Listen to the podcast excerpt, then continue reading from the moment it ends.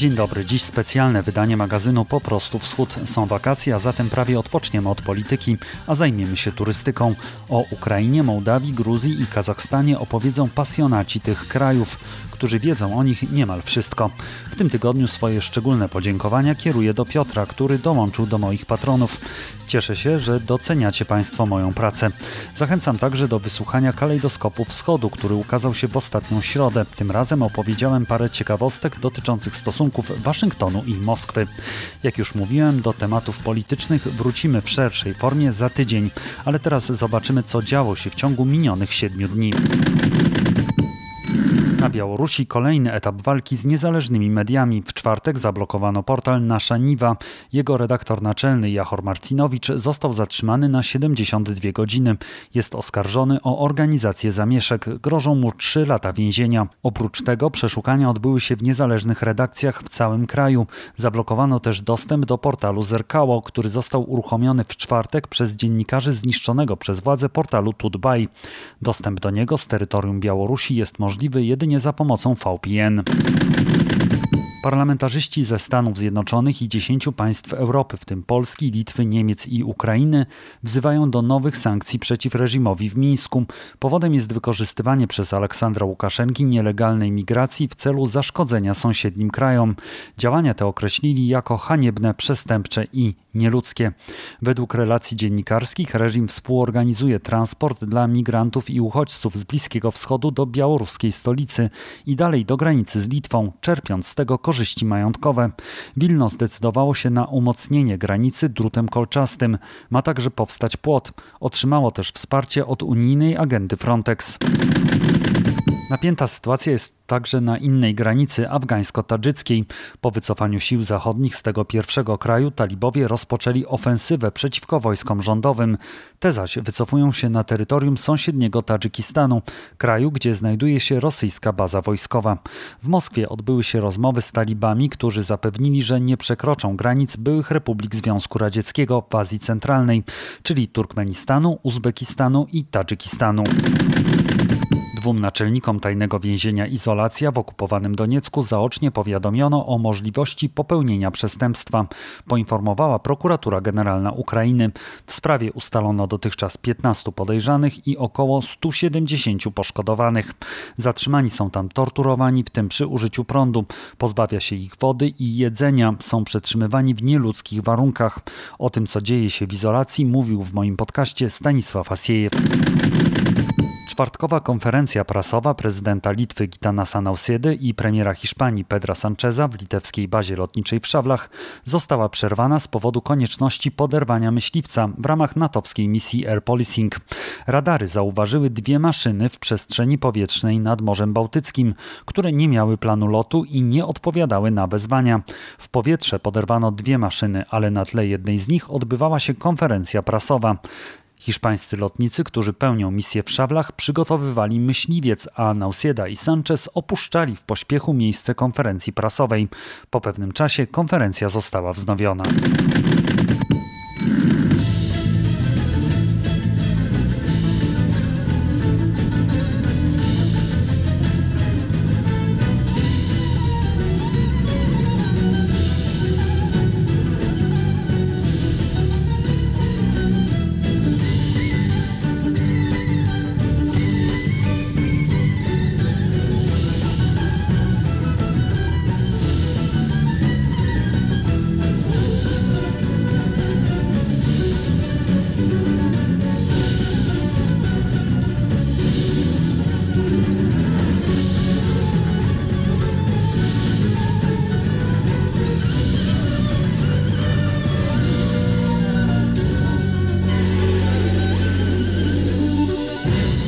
Przenosimy się do obwodu połtawskiego, gdzie jest Natalia Panczenko z projektu Ukrainer, który prezentuje różne zakątki Ukrainy, w tym także w języku polskim. Dzień dobry. Dzień dobry. Polacy dość e, dobrze znają zachodnią Ukrainę, mniej więcej wiedzą, co można zobaczyć w Kijowie, wiedzą, że się odpoczywa w Odessie, część też wie, że można odpoczywać w Zatoce pod Odessą.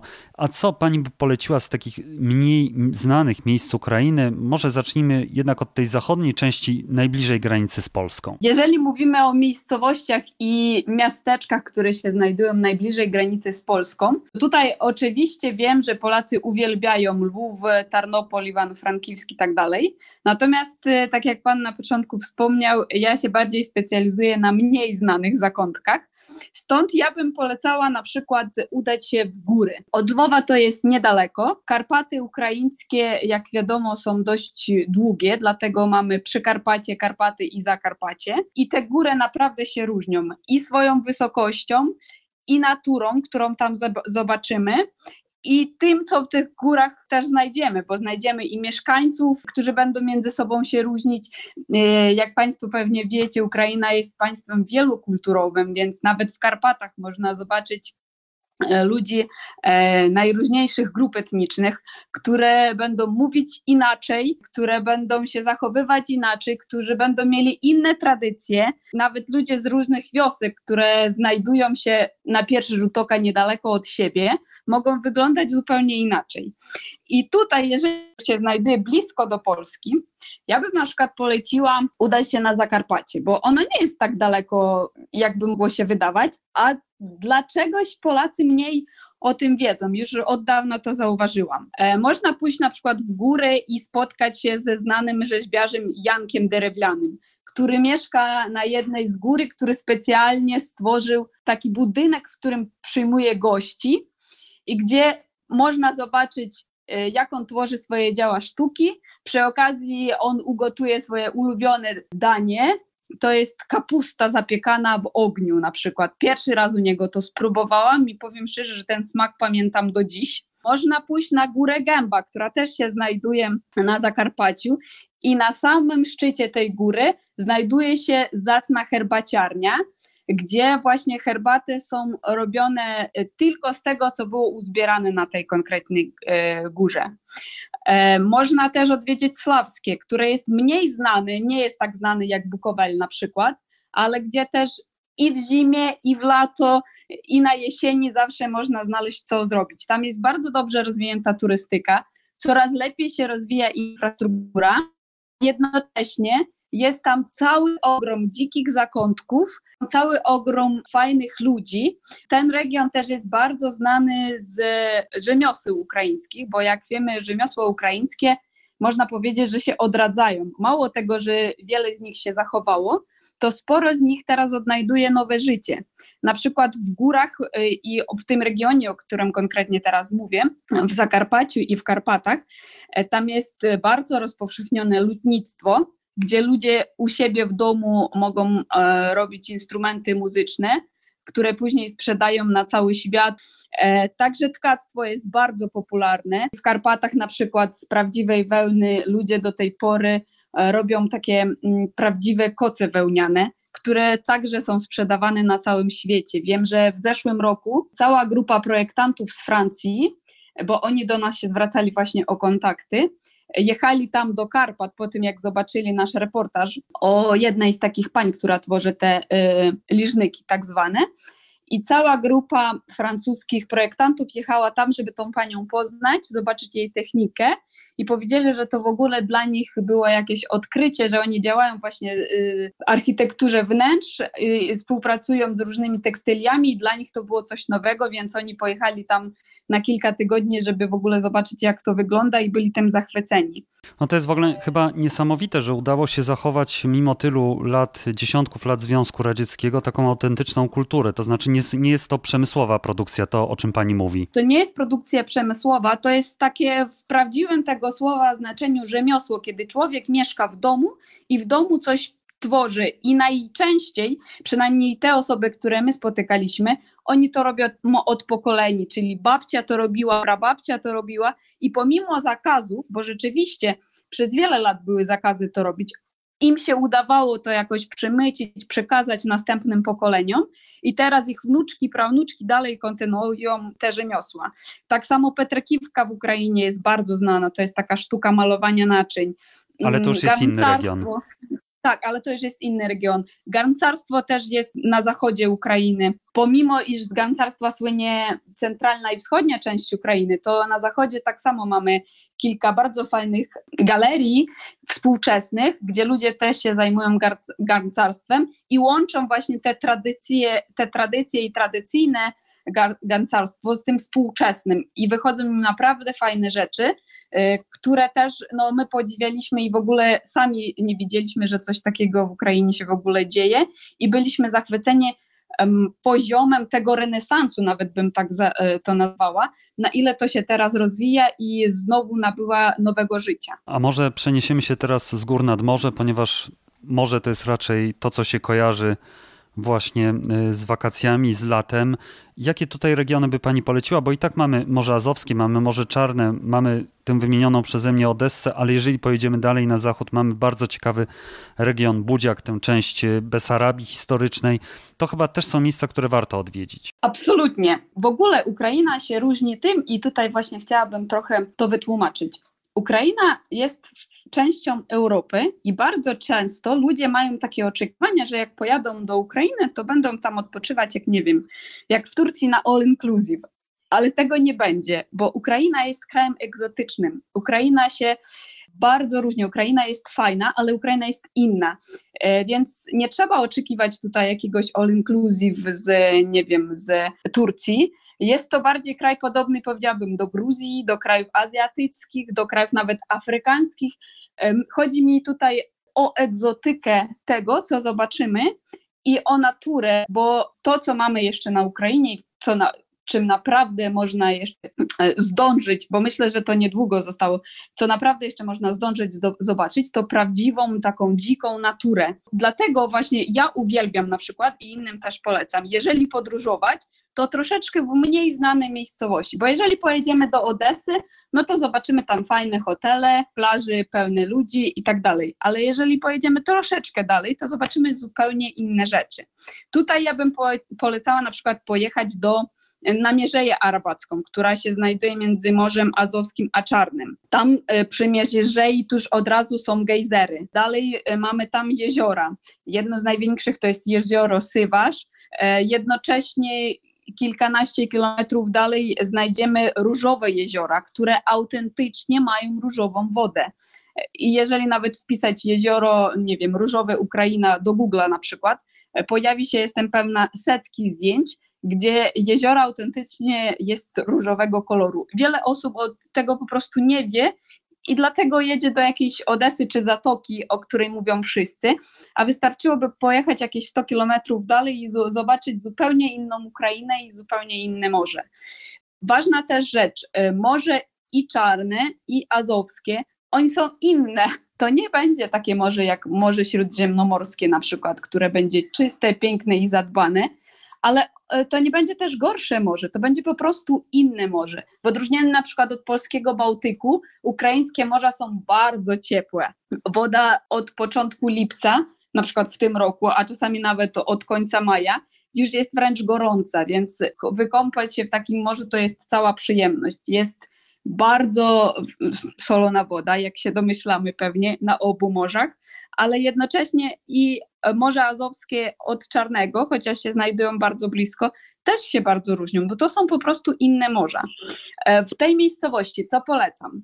Furmuszyka Nowa to jest na nowo zbudowana wieś, znajduje się właśnie na Besarabii, niedaleko od Odesy. Można od niej pojechać na, e, nad morze, ale można też zamieszkać w tej wsi i zobaczyć, jak się odnowiła, a tak naprawdę stworzyła, zbudowała się na nowo cała wieś bo jeden z potomków, który wiedział, że tutaj była wieś jego dziadka, postanowił ją odnowić. I teraz naprawdę z kiedyś tam kilku budynków zrobiła się cała wieś, ludzie zaczęli wracać, e, oni zaczęli tam rozwijać e, rzemiosła, turystykę, agroturystykę, Porobili fajne muzea, bardzo dużo atrakcji, gdzie naprawdę codziennie można robić coś innego, więc ja bym na pewno pojechała do Formuszy Kinowej. Szabo, gdzie są znane na całą Ukrainę winnice, w tym jeden e, Francuz przyjechał z Francji i zamieszka w Szabo specjalnie dlatego, żeby robić tam wina i mieszka już od kilku lat e, w Ukrainie, produkując e, wina i mając swoje winorośle. Tam cały region słynie po prostu z tego, co ludzie robią wina i tak jak mówiłam, i mamy tam kilka takich mniejszych fabryk i winorośli, ale mamy też po prostu ludzie, którzy w domu mają winorośle i w domu robią y, takie kraftowe, domowe wino, które naprawdę polecam. Oprócz tego wyspy ukraińskie, o właśnie, o tym bardzo często ludzie nie wiedzą. Wyspa Jarelgacz, e, wyspa Biruczy, są świetne. Flora i fauna, które się tam do tej pory zachowały, po prostu powalają od razu. Ptaki, ile i jakich ptaków można tam zobaczyć, ja byłam w szoku. Na przykład pelikany, y, nie wiem czy ludzie wiedzą, ale w Ukrainie jest bardzo dużo pelikanów.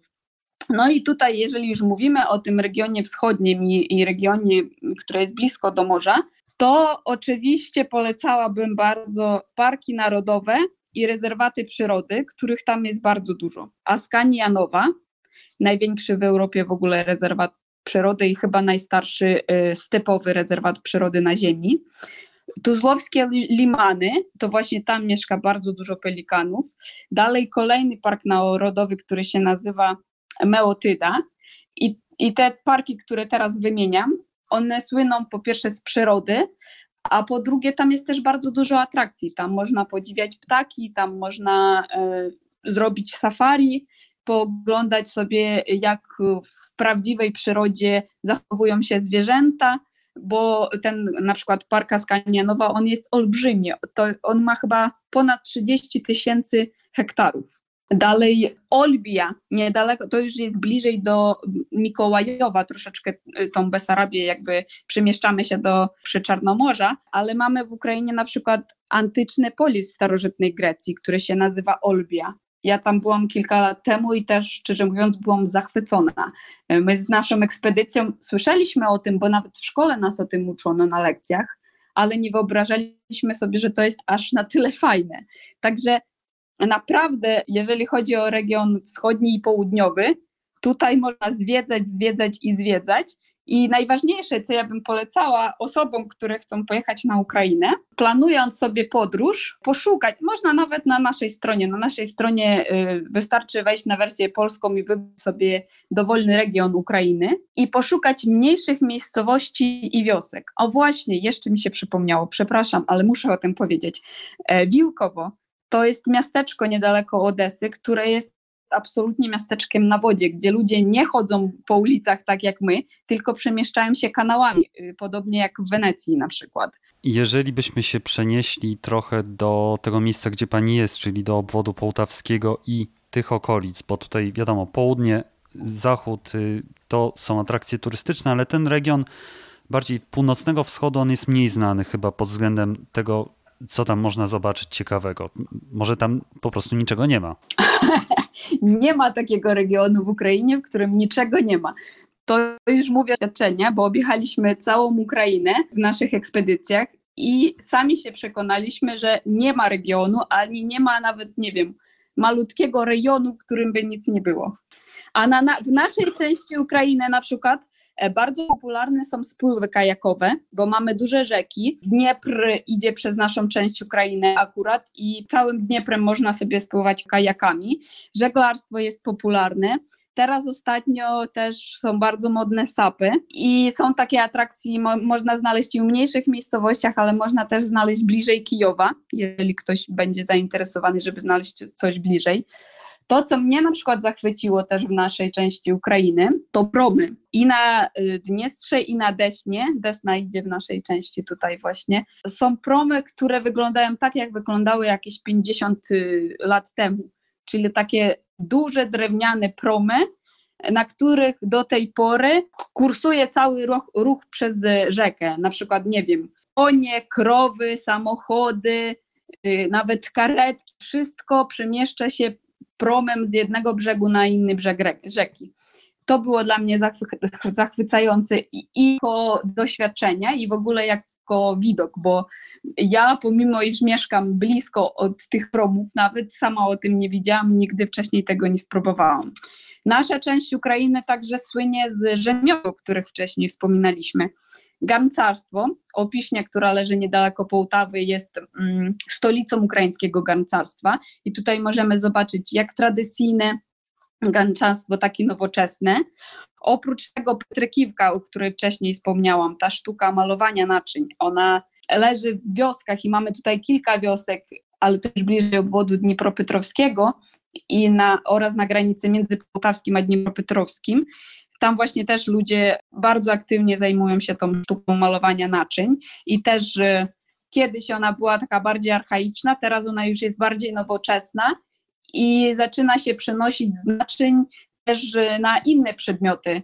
Ostatnio nawet murale w tym stylu są wykonywane, także to naprawdę wszystko się rozwija. Ja rozumiem, że moglibyśmy rozmawiać bardzo, bardzo długo, bo rzeczywiście Ukraina jest pełna atrakcji, ale jeżeli ktoś chce się dowiedzieć więcej, to tak jak pani mówiła, musi zajrzeć na stronę ukrainer.net, tam jest polska wersja, tam można y, zajrzeć do konkretnego regionu i tam zobaczyć, y, co jest interesującego. Natalia Panczenko z projektu Ukrainer, bardzo dziękuję. Dziękuję serdecznie. A za chwilę porozmawiamy o sąsiedniej Mołdawii.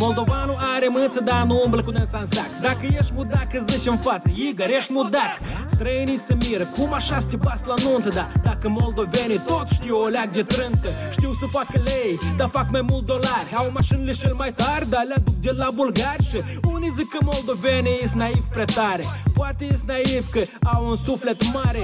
Patru secole sub turi și două cu rușă Dar manele nu cântăm și nici nu bem cu urșă. Ne-am mințit cu alte limbi și scrisuri nu le mai numesc. Aveam o limbă și română și un grai moldovenesc, bă! Unde, Doamne, unde, tate? Neamul meu de altă dată La Przenosimy się do Mołdawii, gdzie jest Kamil Caus, ekspert Ośrodka Studiów Wschodnich i autor książki Mołdawia Państwo Niekonieczne. Dzień dobry. Dzień dobry, dzień dobry. Mołdawia jest państwem, które niekoniecznie kojarzy się z turystyką, ale na pewno jest tam kilka ciekawych miejsc do polecenia.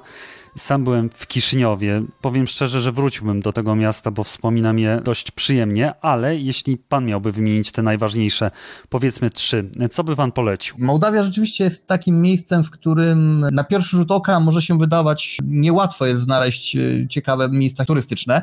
Zresztą Mołdawianie sami często nie pomagają w tym, bo jeżeli zapytamy Mołdawian, to oni również zadumają się i na przykład wskażą nam Jasy albo Odessę, czyli dwa miasta, które no, w Mołdawii zdecydowanie się nie, nie, znajdują, chociaż akurat jazdy w historycznej Mołdawii jak najbardziej, tylko że dzisiaj w granicach Rumunii.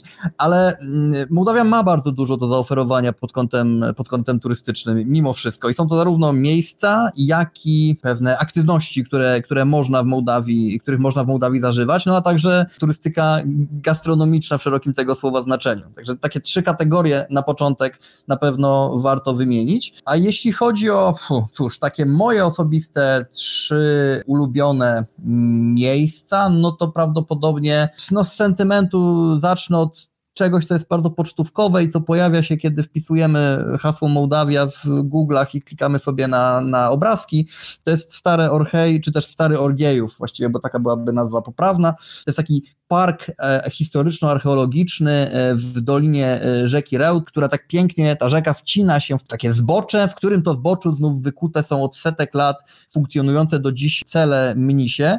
No to jest takie miejsce, gdzie można znaleźć mm, zarówno pewne pozostałości historyczne e, gospodarstwa mołdawskiego, jak i bytności tutaj Turków, jak i nawet jeszcze, jeszcze, jeszcze wcześniejszych ludów, e, które w tych terenach się znajdowały. Jest to przede wszystkim miejsce, które jest po prostu przepiękne, jedno z najpiękniejszych miejsc w całej Mołdawii. Ten, ten, ten widok właśnie na dolinę e, wspomnianej rzeki, widzianej z, ze wzgórza, czy ze wzgórza, ze szczytu tego klifu, e, no robi niesamowite wrażenie. Jeszcze do tego właśnie tam cerkiewki lokalny, taka wioseczka etnograficzna, która jest na górze tego wszystkiego, jest rodzajem takiego skansenu, lokale, które tam w związku z tym są także przygotowane pod turystów, serwujące kuchnię mołdawską, no to wszystko jest na pewno warte odwiedzenia, zwłaszcza, że to nie jest daleko od wspomnianego już wcześniej Kiszyniowa, bo to jest rodzaj takiego przedmieścia miasta Orgiejów, czyli, czyli właśnie miejscowości położonej kilkanaście kilometrów od, od Kiszyniowa. Także to jest pewnie pierwsza rzecz. E, drugą rzeczą, którą będę polecał bardzo mocno i to właściwie chyba od tego roku właśnie, to jest Mołdawia, środ, środkowy zachód mołdawski, jakkolwiek to brzmi, bo zwykle tego typu określeń używa się przy nieco większych krajach, ale środkowy zachód mołdawski, czyli pogranicze z Rumunią na wysokości rajonu, czyli takiego, to jest najwyższa jednostka administracyjna w Mołdawii, e, rajonu Niszpoleńskiego, rajonu Chińczeszskiego. To jest miejsce, które nazywane jest dość powszechnie mołdawską Szwajcarią, chociaż mam wrażenie, że tutaj bardziej pasowałaby mołdawska Toskania. To jest taki region Mołdawii, gdzie Mołdawii, która jest zwykle dość płaska, tak? Charakteryzują ją takie raczej bardzo łagodne wzgórza, to tutaj tych właśnie pagórków jest dużo więcej, one aż kipią zielenią, szczególnie o takiej porze roku jak teraz, szczególnie, że teraz tutaj jest mnóstwo deszczy, więc ta wysoka letnia temperatura w połączeniu z wilgocią sprawia, że to wszystko po prostu bujnie, e, bujnie rozkwita. E, na tych e, wzgórzach możemy znaleźć oczywiście emblematyczne dla Mołdawii winnice. Przecudnie to wygląda i naprawdę można się poczuć jak gdzieś we Włoszech i, i to, to, to bardzo, bardzo polecam polecam.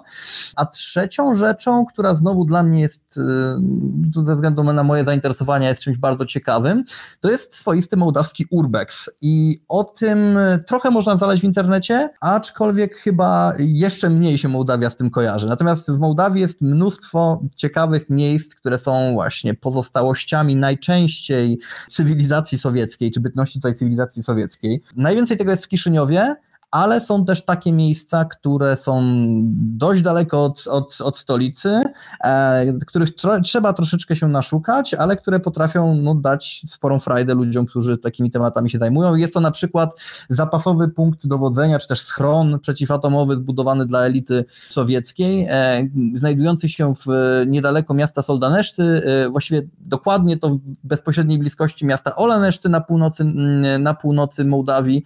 I to jest taki ogromny ogromny dwunastopiętrowy w dół dwunastopiętrowy silos, bunkier, nigdy niedokończony tak naprawdę, połączony z takim miasteczkiem wojskowym, e, no coś niesamowitego, szczególnie z perspektywy dzisiejszej Mołdawii, bo szacuje się, że koszty tego w przeliczeniu na, dzisiejsze, na dzisiejszą walutę pozwoliłyby na wybudowanie małego miasteczka, takiego zupełnie pełnego ze szpitalami, blokami, szkołami i wszystkim, wszystkim innym na powierzchni. To były miliardy i miliardy rubli wydawane przez władze sowieckie i to jest też bardzo ciekawe miejsce, no, dające taką, taką nutkę pewnej tajemniczości, pewnego ryzyka, chociaż generalnie można się tam bez większego problemu dostać i na Google Maps można to miejsce też znaleźć, ono jest opisane w kilku językach. No ja zauważyłem w ogóle na przykład oglądając francuskie czy niemieckie dokumenty, że ten urbex y, jest bardzo fascynujący, szczególnie właśnie dla ludzi z zachodu w tych krajach byłego Związku Radzieckiego i byłego bloku wschodniego, bo to są właśnie głównie państwa postradzieckie, albo też takie państwa jak Bułgaria e, czy Albania, gdzie też jest dużo takich miejsc, które można zwiedzać. Ale chciałem zapytać o coś bardziej typowego, o turystykę kulinarną, którą pan wymienił.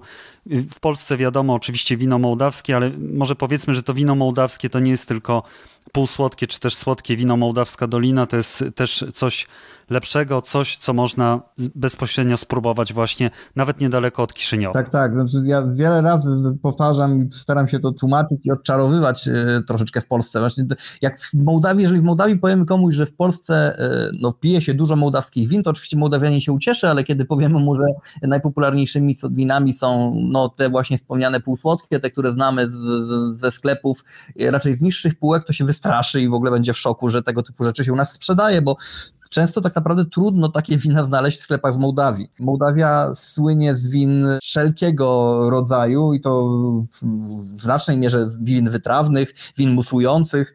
Tutaj klimat pod tym względem jest kapitalny. Mołdawia jest jednym wielkim czarnoziemem, jest naj, najbrzeźniejszym krajem europejskim tak naprawdę, więc e, pod tym względem można tu znaleźć kapitalne rodzaje win i działają na terenie Mołdawii liczne winiarnie, tak kiedyś zakłady, teraz firmy e, zajmujące się produkcją, produkcją wina. Mamy takie molochy, które zresztą w Polsce, które, które zresztą w Polsce produkcję też można znaleźć, produkujące dobre wina, jak na przykład firmę Purkari, która ma swoje szato, które to szato można, można zresztą zwiedzać i właśnie w którym można poza konsumpcją wina także no, spędzić czas przy jedzeniu mołdawskim. To wszystko jest jakby oferowane turystom w takim pełnym opakowaniu, tak? No, najczęściej mamy tam nocleg, mamy zwiedzanie zwiedzanie tego całego obiektu razem z winnicą, e, mamy, mamy jedzenie, mamy muzykę, mamy wino, no to, to, tak naprawdę znam ludzi, którzy przyjeżdżają do Mołdawii na tydzień tylko i wyłącznie po to i tylko w takim miejscu się zamykają. I jestem w stanie zupełnie zrozumieć dlaczego, bo to jest naprawdę bardzo ciekawe,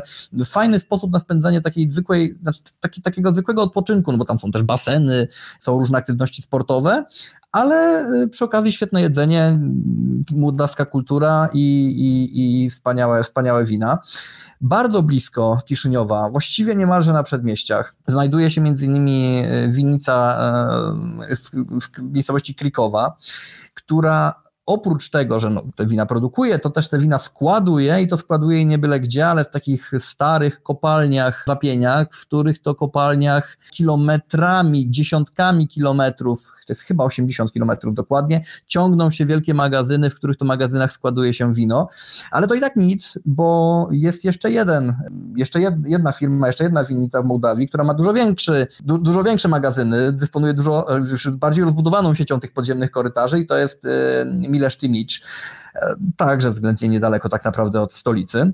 Ale jeżeli już mówimy o win winiarniach czy winnicach, to ja bym jednak sugerował, poza tymi oczywiście, bo to, to, no to są pewne highlighty mołdawskiej, mołdawskiego przemysłu winnego, próbować odwiedzać także firmy dużo mniejsze, firmy, które powstały, czy też były reaktywowane w ostatnich latach, czy w ostatnim dziesięcio, czy też dwudziestoleciu.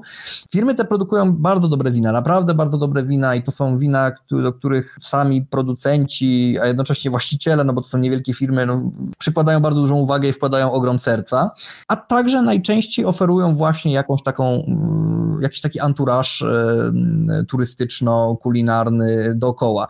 Jest zresztą, i to warto podkreślić, pewien fajny projekt, który zresztą powstał dzięki Polskiej Pomocy Rozwojowej.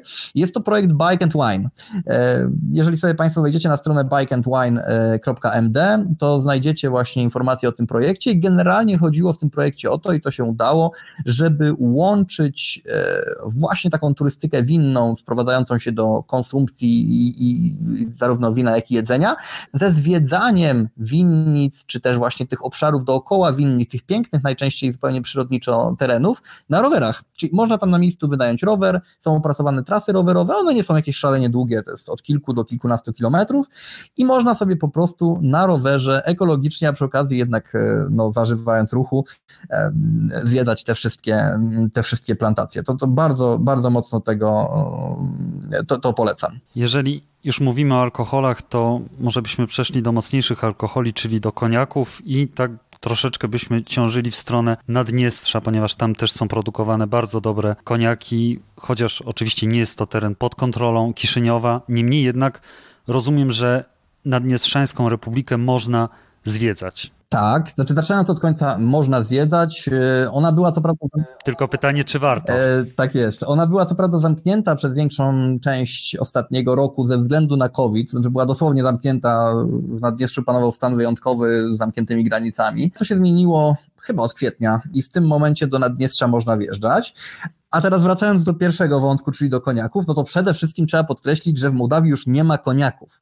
Mołdawia, no, integrując się y, jednak z rynkiem y, unijnym, musiała ze zrozumiałych względów ugiąć się pod y, argumentami francuskimi, mówiącymi, że koniak występuje tylko w rejonie koniak ale y, Mołdawia też postanowiła jednak podejść do tego troszeczkę inaczej i zamiast przemianować swoje koniaki e, na brandy, no bo technicznie jest to brandy, więc zawsze można tej nazwy używać, to opracowała własną nazwę i zarejestrowała tą nazwę, to jest nazwa y, zarejestrowana w ramach tych y, nazw o oznaczeniu geograficznym i nazywa się to w Mołdawii Divinem. Czyli proszę nie być zdziwionym, jeżeli w Mołdawii się trafi na taki właśnie ciemno, e, napój w butelce, który jest opisany jako Divin, to jest to właśnie mołdawska brandy, czyli to, co kiedyś nazywało się koniakiem. W Naddniestrzu można trafić, co prawda, jeszcze wciąż na butelki po rosyjsku opisane jako koniak, ale to się już dzieje coraz rzadziej, bo Naddniestrze e, dużą część swojej produkcji alkoholowej eksportuje do Unii Europejskiej, a w związku z tym musi się do tych wymagań e, unijnych dostosować. Zresztą taka ciekawostka, że na butelkach e, właśnie divinów naddniestrzańskich firmy Quint, bo do tego, do tego nomen omen pijemy, tutaj oboje, e, można znaleźć informację, że jest to wyprodukowane w Mołdawii, fabrykaty Moldowa, a pod spodem tylko dopisek, że w Naddniestrzu.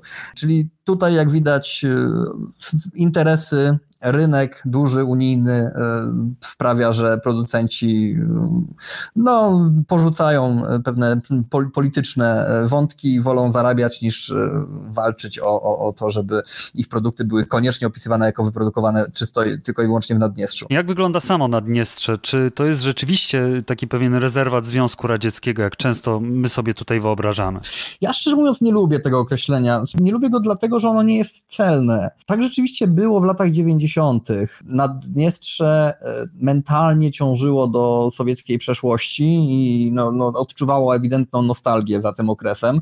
Nostalgię wzmacnianą zresztą przez e, przekonanie, że tylko i wyłącznie obecność rosyjskich wojsk na terenie Naddniestrza jest w stanie zabezpieczyć i zabezpiecza bezpieczeństwo Naddniestrzan przed agresją mołdawską, agresją ze strony Kiszyniowa, który przecież przyszedłby i zaraz tutaj powtórzył wojnę z 92 roku ale to się zaczęło zmieniać z jednej strony ze względów generacyjnych po prostu i pokoleniowych. No, Naddniestrze istnieje już od jako, jako no de facto nie, niezależny twór, czy też niezależny, no niezależny od Mołdawii, mm, no już od 30 lat tak naprawdę i w związku z tym mamy tam pokolenie ludzi, którzy są zupełnie dorośli i nie pamiętają Związku Radzieckiego, a właściwie już nawet drugie pokolenie, które wchodzi w dorosłość i też tego w ten sposób nie pamięta. Także jest tam sporo symboliki, czy pewnej, pewnych zachowanych symboli sowieckich, oczywiście, że tak, ale czy to jest jakoś uderzające? Szczerze mówiąc, chyba nie bardziej niż w Mołdawii. Jeżeli pojedziemy w Mołdawii do mniejszej miejscowości, mówię oczywiście o Mołdawii właściwej, tak, czyli tej, tej, tej, tej terytorium Mołdawii kontrolowanym przez władze w Kiszyniowie, no to też znajdziemy mnóstwo pozostałości po Związku Radzieckim. Jeżeli pojedziemy na prowincję mołdawską, do jakichś małych miejscowości, małych wiosek, no to znajdziemy całe mnóstwo takich rzeczy. Znajdziemy domy kultury z napisami w języku mołdawskim, czyli rumuńskim zapisywanym cyrylicą, które to napisy będą sławiły te czy inne elementy życia w Związku Radzieckim.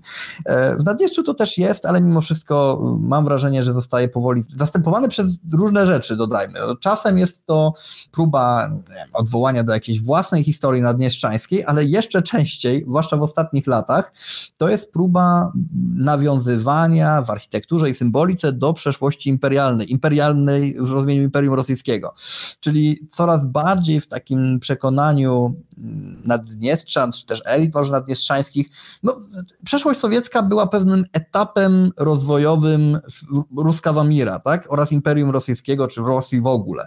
No, ten okres się skończył, skończył się no, ewidentnie niepowodzeniem, tak? Związek Radziecki upadł, więc co do tego nie ma wątpliwości, e, więc e, wraca się do pewnego myślenia właśnie w kategoriach, a w czasach imperialnych to tak naprawdę przecież te tereny zostały zurbanizowane, to tutaj Tyraspol, e, no, w mniejszym stopniu Bendery, zaraz obok Odessa, tak to wszystko przecież powstawało w czasach świetności Imperium Rosyjskiego, więc to jest ten okres, do którego możemy wracać i tego się da sporo znaleźć w Naddniestrzu, na przykład w postaci pomników, czy też popiersi w Tyraspolu i chyba już nie tylko teraz w Tyraspolu, Katarzyny, Carycy, albo też Patiomkina. Także te wszystkie symbole się tam znajdują, mieszają, a na to wszystko jeszcze narzucana jest taka zupełnie autentyczna no, i prozaiczna współczesność, tak? Cyfrowe ekrany wyświetlające reklamy, reklamy lokalnych sieci komórkowych, reklamy systemu kart płatniczych, które Naddniestrze ma własne, funkcjonujące jakby poza tym systemem ogólnoświatowym Visa czy Mastercard.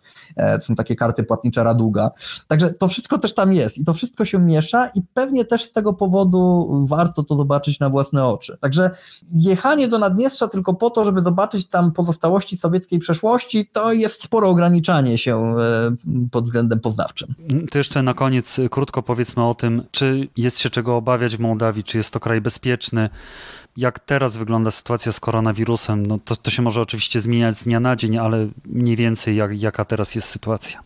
Mołdawia jest generalnie krajem bezpiecznym. Ja osobiście z własnych doświadczeń, ja jeżdżę od tego kraju już od, e, mój Boże, od 14 lat, nie doświadczyłem nigdy niczego złego. Naprawdę nigdy kompletnie niczego złego. Do tej pory cały czas pamiętam jedną strasznie zabawną sytuację, której doświadczyliśmy e, z Piotrkiem Oleksym jeszcze chyba w 2009 roku, autorem książki o, o Naddniestrzu swoją drogą, wydaną w wydawnictwie czarnym, e, kiedy to w nocy w Kiszyniowie takich dwóch dobrze zbudowanych chłopaków do nas podeszło i zapytało, czy chcemy się bić. A my powiedzieliśmy zgodnie z prawdą, że no niekoniecznie.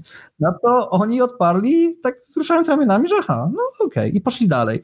I później się dowiedzieliśmy od znajomych, że tak, że to, to się zdarza i po prostu polega to na tym, że no, panowie, chłopacy, którzy uprawiają sporty walki, a te są dość popularne w Mołdawii, no czasem szukają sparring partnerów na, taki na, wieczorem w Kiszyniowie, ale to jest dosłownie to. To znaczy, to, to nie chodzi o jakąś taką agresywną bójkę, bo, bo, ktoś mi się nie spodobał, tylko zwyczajne poszukiwanie kogoś, z kim można byłoby się zmierzyć. Jeżeli się nie chce w tym partycypować, to oni też nie, nie naciskają, no bo co za przyjemność, tak, bić kogoś, kto nie chce się bić. To właściwie żadna, żadna zabawa. Ale to oczywiście anegdotycznie, no takie coś zdarzyło mi się tylko raz. Trzeba rzecz jasna uważać na standardowe rzeczy. No jeżeli jesteśmy na rynku, o, Piaca Centrala w Kiszyniowie, bardzo polecam, szczególnie ze względów kulinarnych właśnie, czyli centralny rynek w Kiszyniowie, no to raczej wypadałoby uważać na portfel, bo kieszonkowcy są wszędzie, to samo dotyczy nie, transportu publicznego, czy ścisków w tym transporcie publicznym.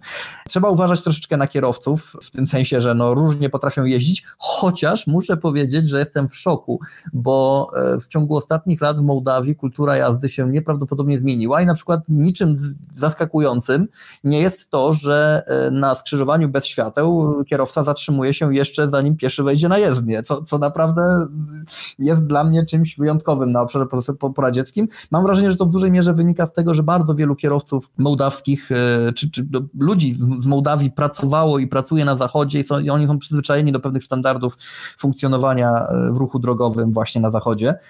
I, I naprawdę to robią. Ale oczywiście trzeba zachowywać, trzeba zachowywać taką podstawową ostrożność, natomiast nie ma się o co bać. Jeśli chodzi, poza tym, jeśli chodzi o koronawirusa, to akurat jesteśmy w sytuacji teraz bardzo dobrej, jesteśmy zdecydowanie na, na, na, na dole fali.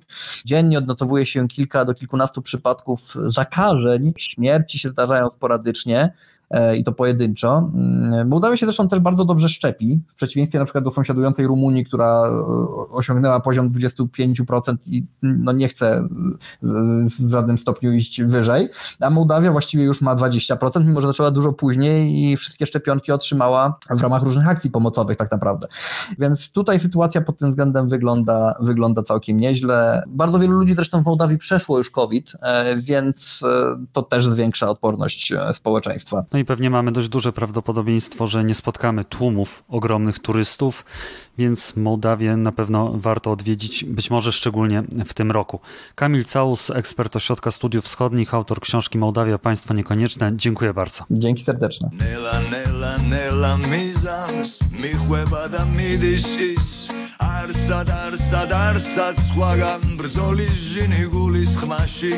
Arsad, როგორც აქამ ქვეყანაში. არძივების ასაფრენი ფიცხელომში რომ მღეროდა მაჩაბელი. ჯერ ხომ სისხლი გვიდუხ ზარხში ჯერ ხომ საროს ფოთლები არ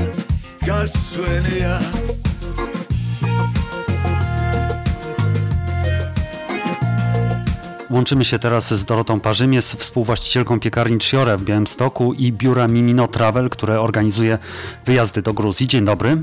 Dzień dobry.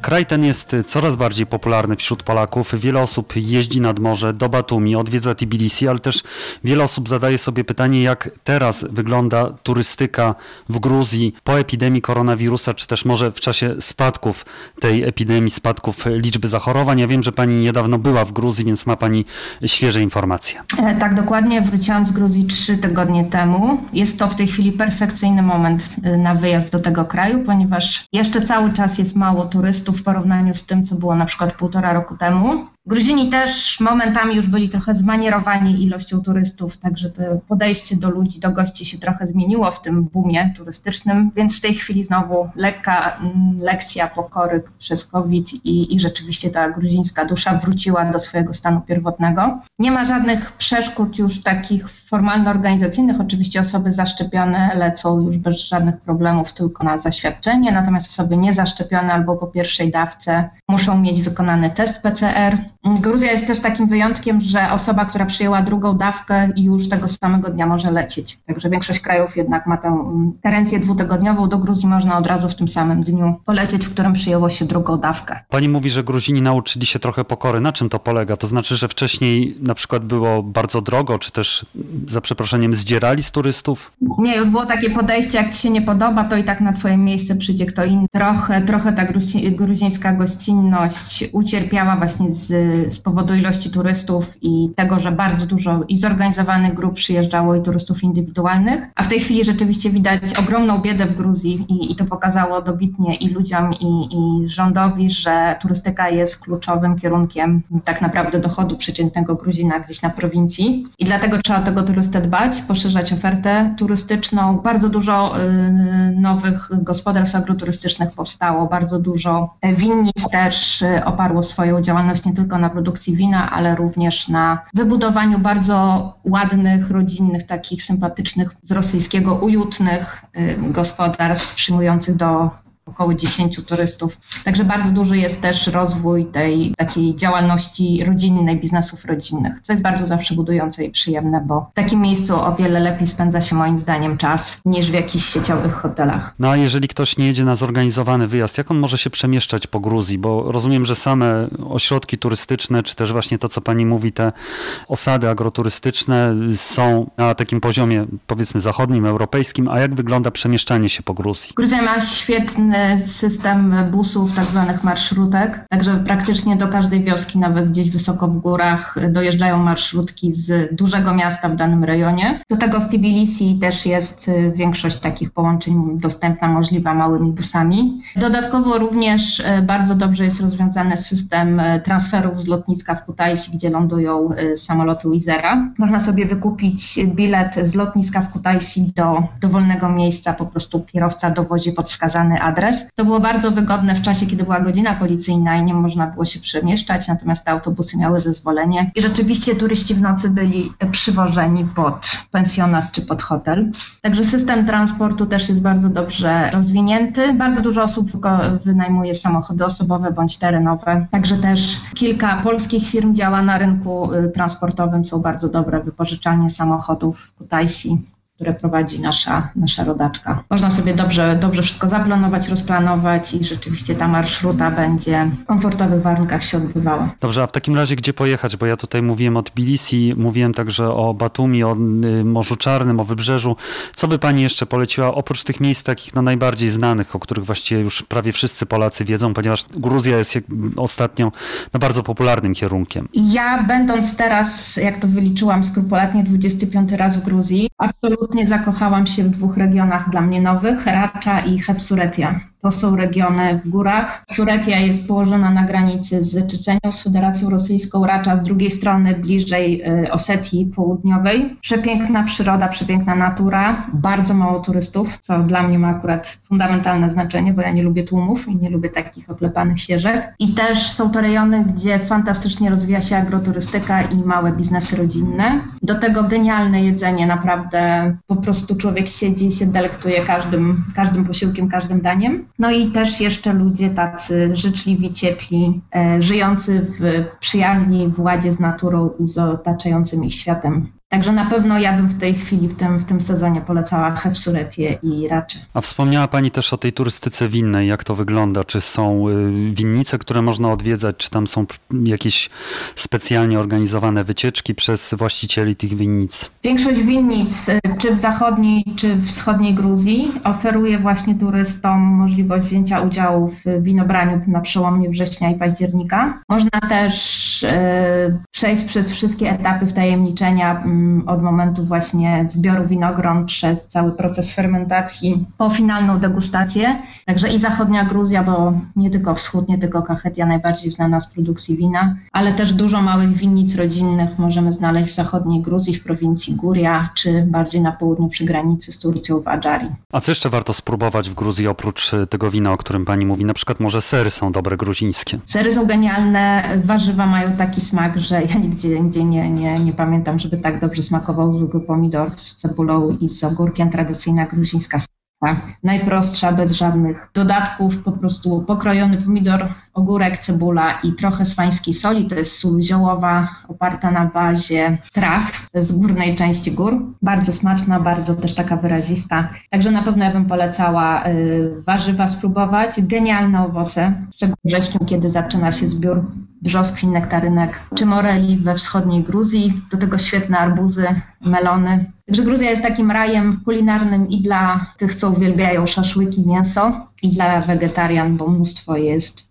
właśnie dań, tylko i wyłącznie na bazie warzyw. Oprócz wina rozumiem, że też e, popularne są e, gruzińskie koniaki, czy też można zwiedzać takie zakłady, które wytwarzają właśnie ten rodzaj alkoholu. Koniaki nie są tak popularne jak w sąsiedniej Armenii, natomiast też rzeczywiście Gruzini mają genialną swoją firmę Sarajishvili i w Gruzji można jak najbardziej w Tbilisi e, zwiedzić takie miejsce, gdzie powstaje najbardziej znany na świecie gruziński koniak Sarajishvili. Ale głównie właśnie tą atrakcją alkoholową, nazwijmy to, jest winiarni i degustacja. W dużych, w dużych win zawodach, czyli w tych takich jeszcze fabrykach pamiętających czasy Związku Radzieckiego, ale też w tych małych domowych winiarniach, gdzie w podłodze w pokoju zakopane są gliniane amfory zwane kwebri. Także ja się śmiałam, że Gruzini mają genialną sytuację, bo mają w domu podłogę z winem, mogą tworzyć takie wieczko, a w środku w ziemi znajduje się no, minimum 500 litrów wina w glinianej amforze kwebri. Także bardzo mają komfortową sytuację. A co jeżeli ktoś jest zainteresowany na przykład kulturą Gruzji, tańcami, folklorem? Jak tutaj to wygląda? Czy jest się skazanym na taki rodzaj gruzińskiej cepeli, czy jest jeszcze szansa na to, żeby zapoznać się z tą autentyczną kulturą? Gruzini bardzo umiejętnie, inteligentnie czerpią z tradycji i wplatają tę tradycyjną muzykę w nowoczesne brzmienie. Także scena, scena muzyczna w Tbilisi jest naprawdę genialna. Można wybrać małe koncerty organizowane gdzieś na podwórkach y, starych kamienic. My też mamy w planach zaprosić do Polski y, bardzo fajny zespół Rezo i Barszwebi. Także na pewno warto też sięgnąć do tej nowoczesnej muzyki gruzińskiej, nie tylko do tradycyjnej, ale tak jak mówię, coraz więcej podmiotów wykonujących właśnie muzykę współczesną gdzieś wplata tradycyjne brzmienia, co jest bardzo sympatycznym połączeniem. I też wiele wiele, gospodarstw agroturystycznych, wiele winnic oferuje turystom takie wieczorki folkloru miejscowego, nie tylko jakby gruzińskiego, ale lokalnego, bo wszystkie regiony są jednak trochę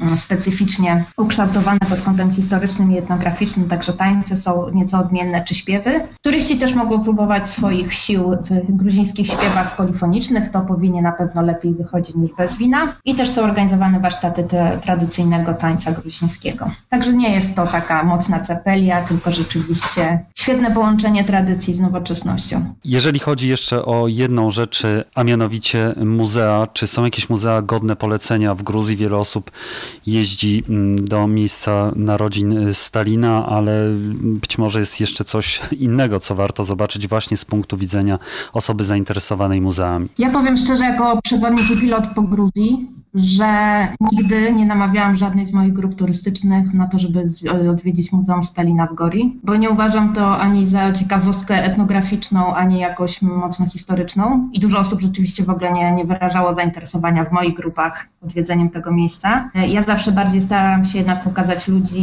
i, i zwyczaje, tradycje. Także na pewno polecam Tbilisi Muzeum Etnograficzne w bardzo sympatycznym miejscu, jakim jest droga do jeziora żółwiowego na jednej z gór otaczających Tbilisi. Bardzo są też dobrze zorganizowane i autentyczne takie mini muzea w górach, na przykład w Svaneti, w górskiej części Gruzji. Możemy odwiedzić muzea, które są zorganizowane w takich kamiennych wieżach, które służyły jako system obronny od czasów wczesnego średniowiecza. I w tej chwili turyści po prostu mogą wejść do takiej wieży z kamienia, która ma często wiele wiele metrów, spinać się po drabinach, żeby zobaczyć właśnie jak ludzie mieszkali, jak ten system obronny był zorganizowany jak przede wszystkim świetnie działał. Także bardzo dużo jest tego typu muzeów właśnie stawiających na etnografię i na kulturę. Po wioskach gruzińskich również warto poszukać miejsc, gdzie jest na przykład mm, prezentowana twórczość malarzy lokalnych y, czy rzeźbiarzy, bo Gruzja ma bardzo, bardzo bogaty dorobek właśnie jeśli chodzi o wszelkiego rodzaju sztukę. Również przepięknie wyrabiana biżuteria do tej pory według starych y, wszystkich metod. Minankari to jest na przykład biżuteria srebrna połączona z emaliowanymi częściami wkomponowanymi bardzo umiejętnie właśnie w te elementy srebrne. Także praktycznie większość miejsc w Gruzji to jest mini muzeum tak naprawdę, jeśli ktoś się interesuje historią, sztuką czy etnografią. Warto, warto zagłębić się w prowincję gruzińską i tam po prostu szukać, rozmawiać z ludźmi. Nawet jeżeli ktoś nie będzie znał języków obcych, Gruzini są tak życzliwi, że jak to się mówi, że mówią oczami, to jest to jest rzeczywiście prawda. Do tego zawsze ręce są pomocne, ale przede wszystkim życzliwość i nastawienie do człowieka i wszystko można wytłumaczyć. Jeszcze jedno pytanie takie właściwie y, formalne dotyczące tego, czy w Gruzji jest bezpiecznie, no bo pani tutaj mówiła o Czeczeni. Te informacje właściwie się regularnie pojawiają dotyczące na przykład demonstracji w Tbilisi. Jak to wygląda? Sytuacja polityczna w Gruzji jest w tej chwili od wielu miesięcy niestabilna i napięta. Oczywiście to się wszystko pogorszyło przez pandemię, bo ludzie rzeczywiście tracili i pracę i, i tu brak turystów pokazał też właśnie, jak bardzo Gruzja jest uzależniona od, od turystyki. No, ostatnie wydarzenia w Tbilisi są rzeczywiście dla Gruzji takim momentem przełomowym, bo wydarzenia poniedziałkowe, gdzie nie odbyła się demonstracja i wielu dziennikarzy zostało pobitych i trafiło do szpitali, pokazuje też podział wewnątrz społeczeństwa gruzińskiego. Natomiast jeśli chodzi o kwestię stricte bezpieczeństwa dla turystów na ulicach, to nie ma żadnego problemu naprawdę, bo, bo to nie jest Gruzja z lat 90., kiedy, kiedy gdzieś tam w różnych regionach rządziły, rządzili lokalni wataszkowie, czy, czy w Tbilisi też po zmroku nie wychodziło się ze względów na bezpieczeństwo. W tej chwili od czasów reform prezydenta Saakaszwili Gruzini postawili rzeczywiście wiele, wiele uwagi na, na, na bezpieczeństwo dla turystów, bo wiedzą, że jeżeli coś się wydarzy niedobrego, no to też ci turyści nie będą chcieli przyjeżdżać i, i straci gruzińska gospodarka i straci społeczeństwo na tym bardzo wiele. Także naprawdę spokojnie można spokojnie sobie jeździć, chodzić, rozmawiać z ludźmi, chodzić w gości do, do domów, nawet dla, do nieznanych osób. Nic się takiego złego nam nie, nie przytrafi. Czyli jak widzimy, warto pojechać do Gruzji. Dorota Parzymies, współwłaścicielka piekarni Ciora w Białymstoku i biura Mimino Travel, które organizuje wyjazdy do Gruzji. Bardzo dziękuję. Dziękuję bardzo.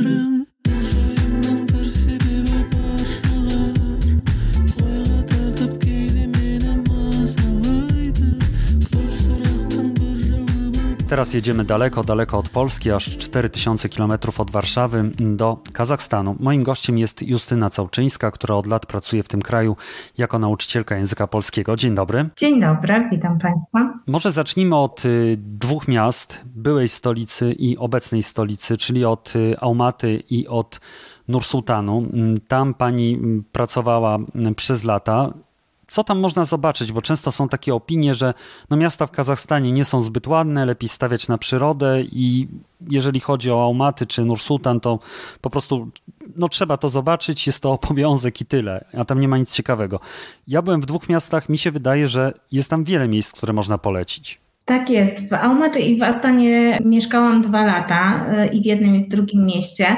Almaty urzeka przede wszystkim bliskością gór. Tego, że widzimy te góry spacerując po Almaty, ale też możemy bardzo szybko przemieścić się z centrum miasta do miejsca, gdzie możemy spacerować e, albo też wjechać na Szymbulak, zajmuje nam to tylko pół godziny, więc tak naprawdę są na wyciągnięcie ręki. Jeśli wjeżdżamy kolejką na Szymbulak, możemy też zajrzeć do takiego symbolicznego cmentarza alpinistów.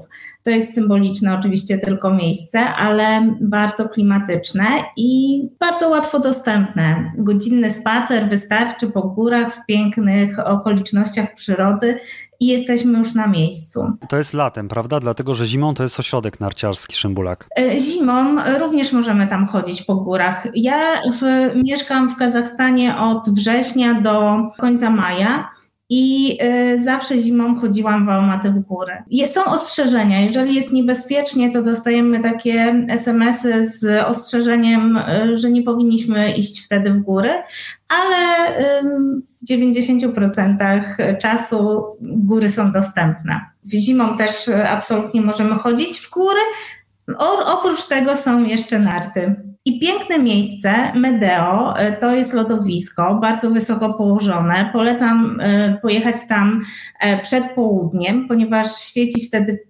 słońce i możemy jeździć na łyżwach, e, oglądając piękne góry. Ubrani całkiem lekko, ponieważ jest ciepło. A oprócz tego w mieście, no myślę, że jest dużo takich miejsc. E, jest sobór w niebo, w niebo wstąpienia pańskiego, który jest zbudowany tylko z elementów drewnianych. Jest piękny z, na zewnątrz, ponieważ jest e, kolorowy. Kilka lat temu odnowiono ten sobór, więc warto go zobaczyć. Warto zobaczyć e, oczywiście muzea, Muzeum Instrumentów Muzycznych, bardzo małe, ale też urokliwe. Muzeum Narodowe, w którym możemy się dowiedzieć o historii tego kraju i też jest element polski, ponieważ jedna gablota poświęcona jest właśnie Polakom, którzy zamieszkują Kazachstan. Myślę, że ciekawa jest też góra Koktobe, na którą możemy wjechać, ale możemy też wejść. Stamtąd rozciąga się przepiękny widok na Almaty. Szczególnie polecam wieczorem, kiedy jest zachód słońca. Naprawdę prawie, że każdego dnia jest pięknie tam. A po drodze na tę górę, jeżeli mogę podpowiedzieć, jest też y, hotel bodajże Kazachstan z bardzo ciekawą architekturą z czasów radzieckich. Tak, on jest w kształcie kłosu zboża faktycznie pięknie wygląda, a zaraz obok tego hotelu znajduje się pomnik Abaja, poety kazachskiego, którego możemy porównać do naszego Adama Mickiewicza. Zresztą z Adamem Mickiewiczem też ma, e, ma związek, ponieważ znali e, oni swoją twórczość. Jeszcze w Almacie wydaje mi się, że warto zwrócić uwagę na e, taką brutalistyczną architekturę właśnie końca lat 70., 80., radziecką, postradziecką architekturę.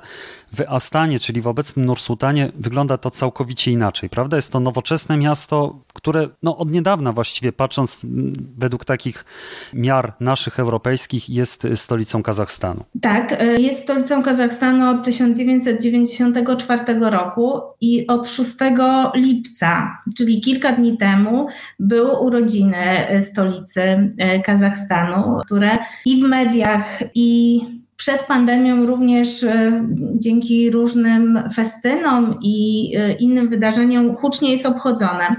Kiedyś Astana, Astana to słowo po kazachsku oznacza stolica, ale w 2019 roku ta nazwa została zmieniona na Nur Sultan i faktycznie jest to zupełnie inne miasto, ale bardzo ciekawe. Miasto, które naprawdę na każdym kroku może nas zaskoczyć, jeżeli tylko będziemy chcieli odkrywać e, te miejsca ciekawe, interesujące.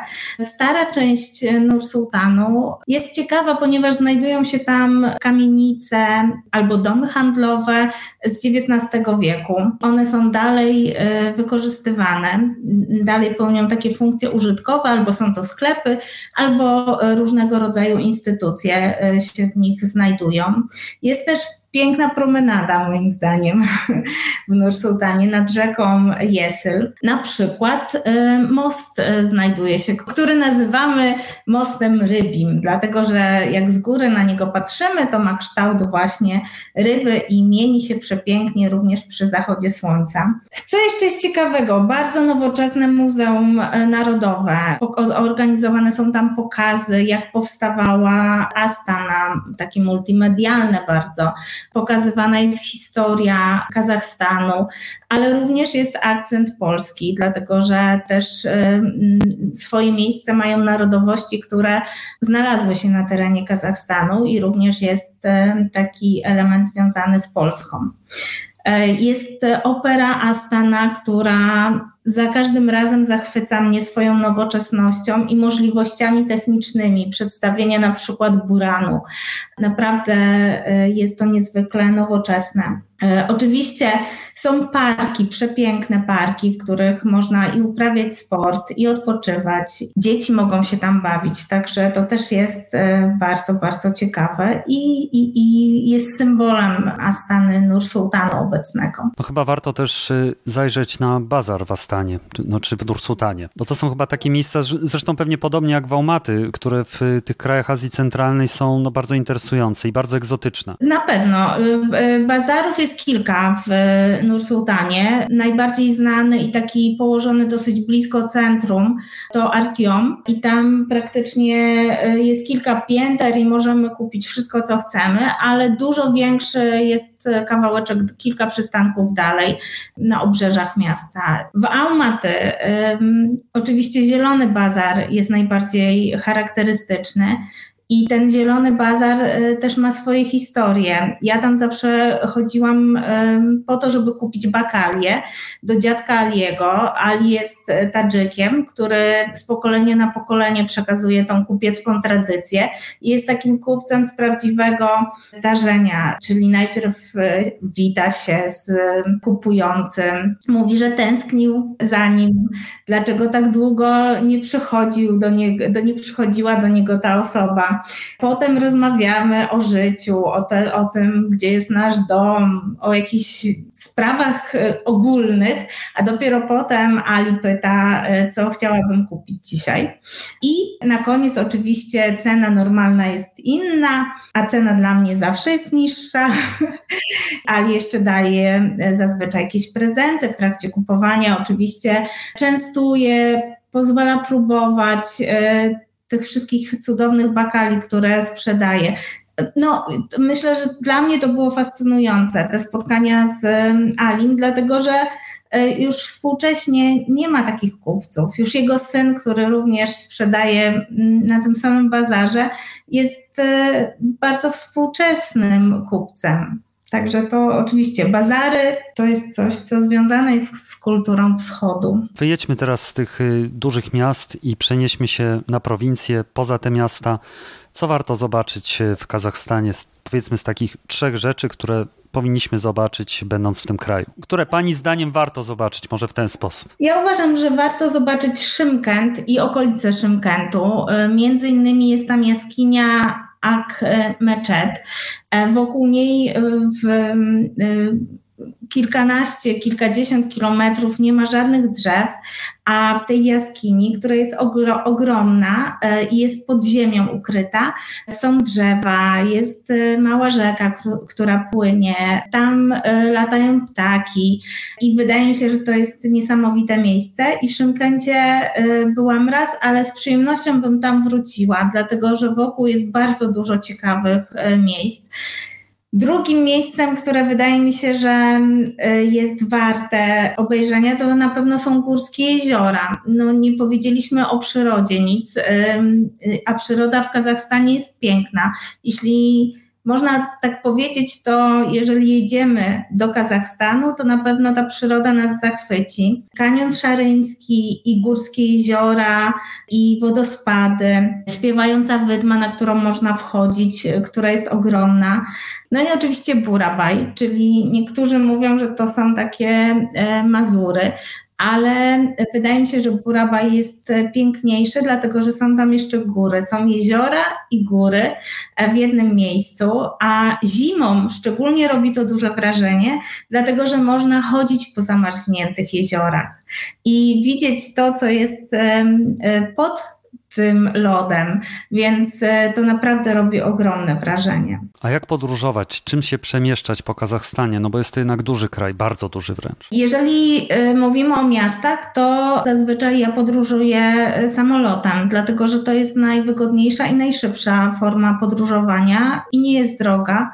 Jeśli mówimy o tych lokalnych lotach. Jeżeli to jest bliżej, je, jeżeli to jest przyroda, to oczywiście wtedy albo autobusami, albo marszrutkami. W Kazachstanie funkcjonuje coś, co bardzo ułatwia życie podróżującym osobom, które nie posiadają samochodu. Są to takie wycieczki weekendowe. One są bardzo tanie, jedzie 10-15 osób w jakimś jednym busie, można zwiedzać po swojemu, mieć czas wolny. Naprawdę one są takie nieśpieszne i bardzo wygodne. Więc jeżeli mieszkałam w Nursultanie, to na przykład do Burabaju mogłam pojechać autobusem, mogłam pojechać pociągiem, ale mogłam też pojechać e, właśnie e, z taką wycieczką weekendową. A jeżeli chodzi o Bajkonur, ponieważ tutaj parę osób się mnie pytało o to, jak właśnie tam można dotrzeć, jak sobie można zorganizować wyjazd na ten kosmodrom, być może zobaczyć start rakiety. Jak to wygląda? Kilka razy w roku ogłaszane są daty wtedy, kiedy y, rakiety są wystrzeliwane. Można zgłosić się do biura podróży, znaleźć to biuro podróży.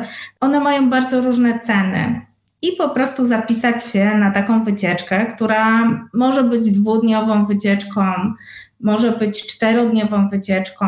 E, zazwyczaj wtedy zwiedza się samo miasto, kosmodrom i oczywiście ogląda się start tej e, rakiety. Czy w ogóle możliwy jest wyjazd indywidualny tam? Ja nigdy się nie spotkałam z tym, żeby indywidualnie można było wejść na teren e, tej stacji, dlatego że tam trzeba oprócz po prostu wykupienia wycieczki, to trzeba jeszcze otrzymać zgody. Dla cudzoziemców otrzymanie tej zgody jest dużo trudniejsze, trwa dłużej niż dla obywatela Kazachstanu albo obywatela, obywatela Rosji. E, więc wydaje mi się, że większość osób, które chcą uczestniczyć w takim wydarzeniu, korzysta właśnie z takich zorganizowanych biur. Powiedzmy jeszcze na koniec o innych miejscach, które warto odwiedzić, a są to ślady polskie w Kazachstanie, ponieważ y, wiemy, że tam mieszka wiele osób y, pochodzenia polskiego, są y, polskie cmentarze. Co tutaj by Pani poleciła dla tych osób, które są zainteresowane właśnie mm, tego rodzaju mm, turystyką, tego rodzaju zwiedzaniem? Uwielbiam podróżowanie szlakiem polskich elementów w Kazachstanie Kazachstanie i możemy tą podróż zacząć już od Nursultanu, dlatego że większość e, osób, które tam przylatuje, nie wie, że e, jest skwer Gustawa Zielińskiego i ulica Adolfa Januszkiewicza.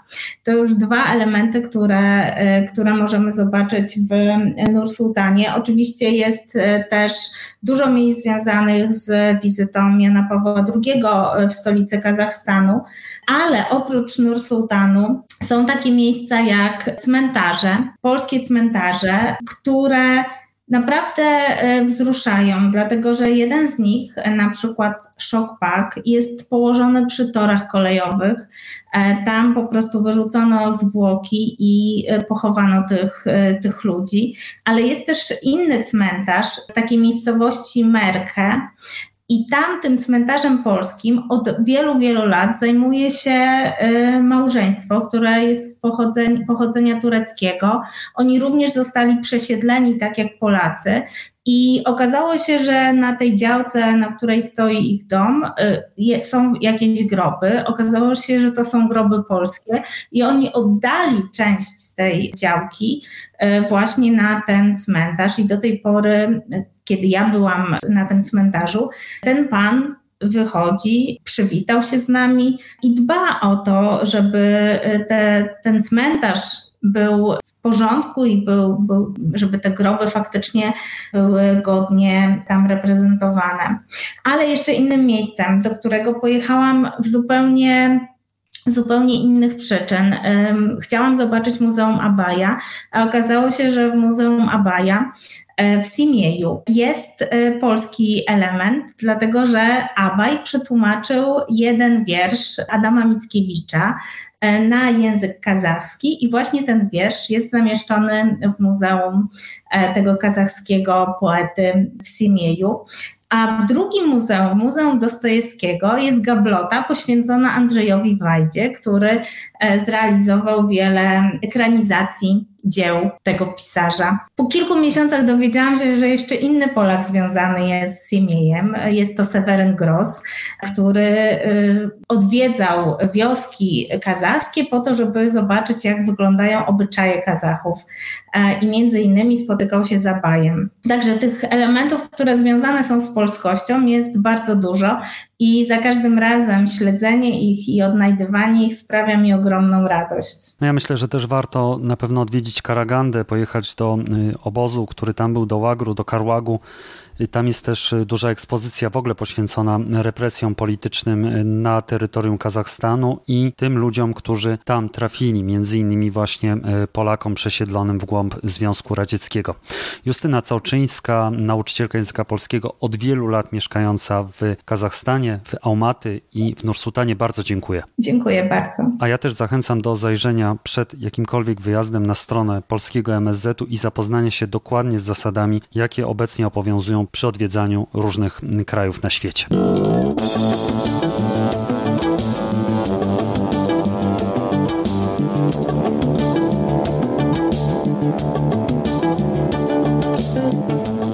To już wszystko w tym odcinku podcastu Po prostu Wschód.